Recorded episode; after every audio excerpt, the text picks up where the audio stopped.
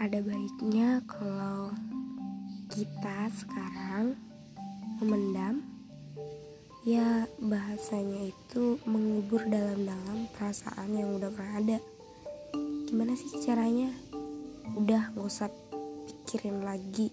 Jangan ada topik pembicaraan yang bersangkutan sama dia. Gampang kan? Udah gak usah dipikirin lagi deh yang udah lalu-lalu.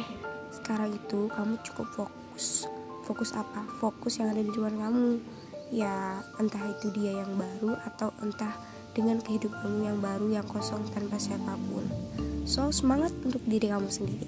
Ya yeah. keep spirit guys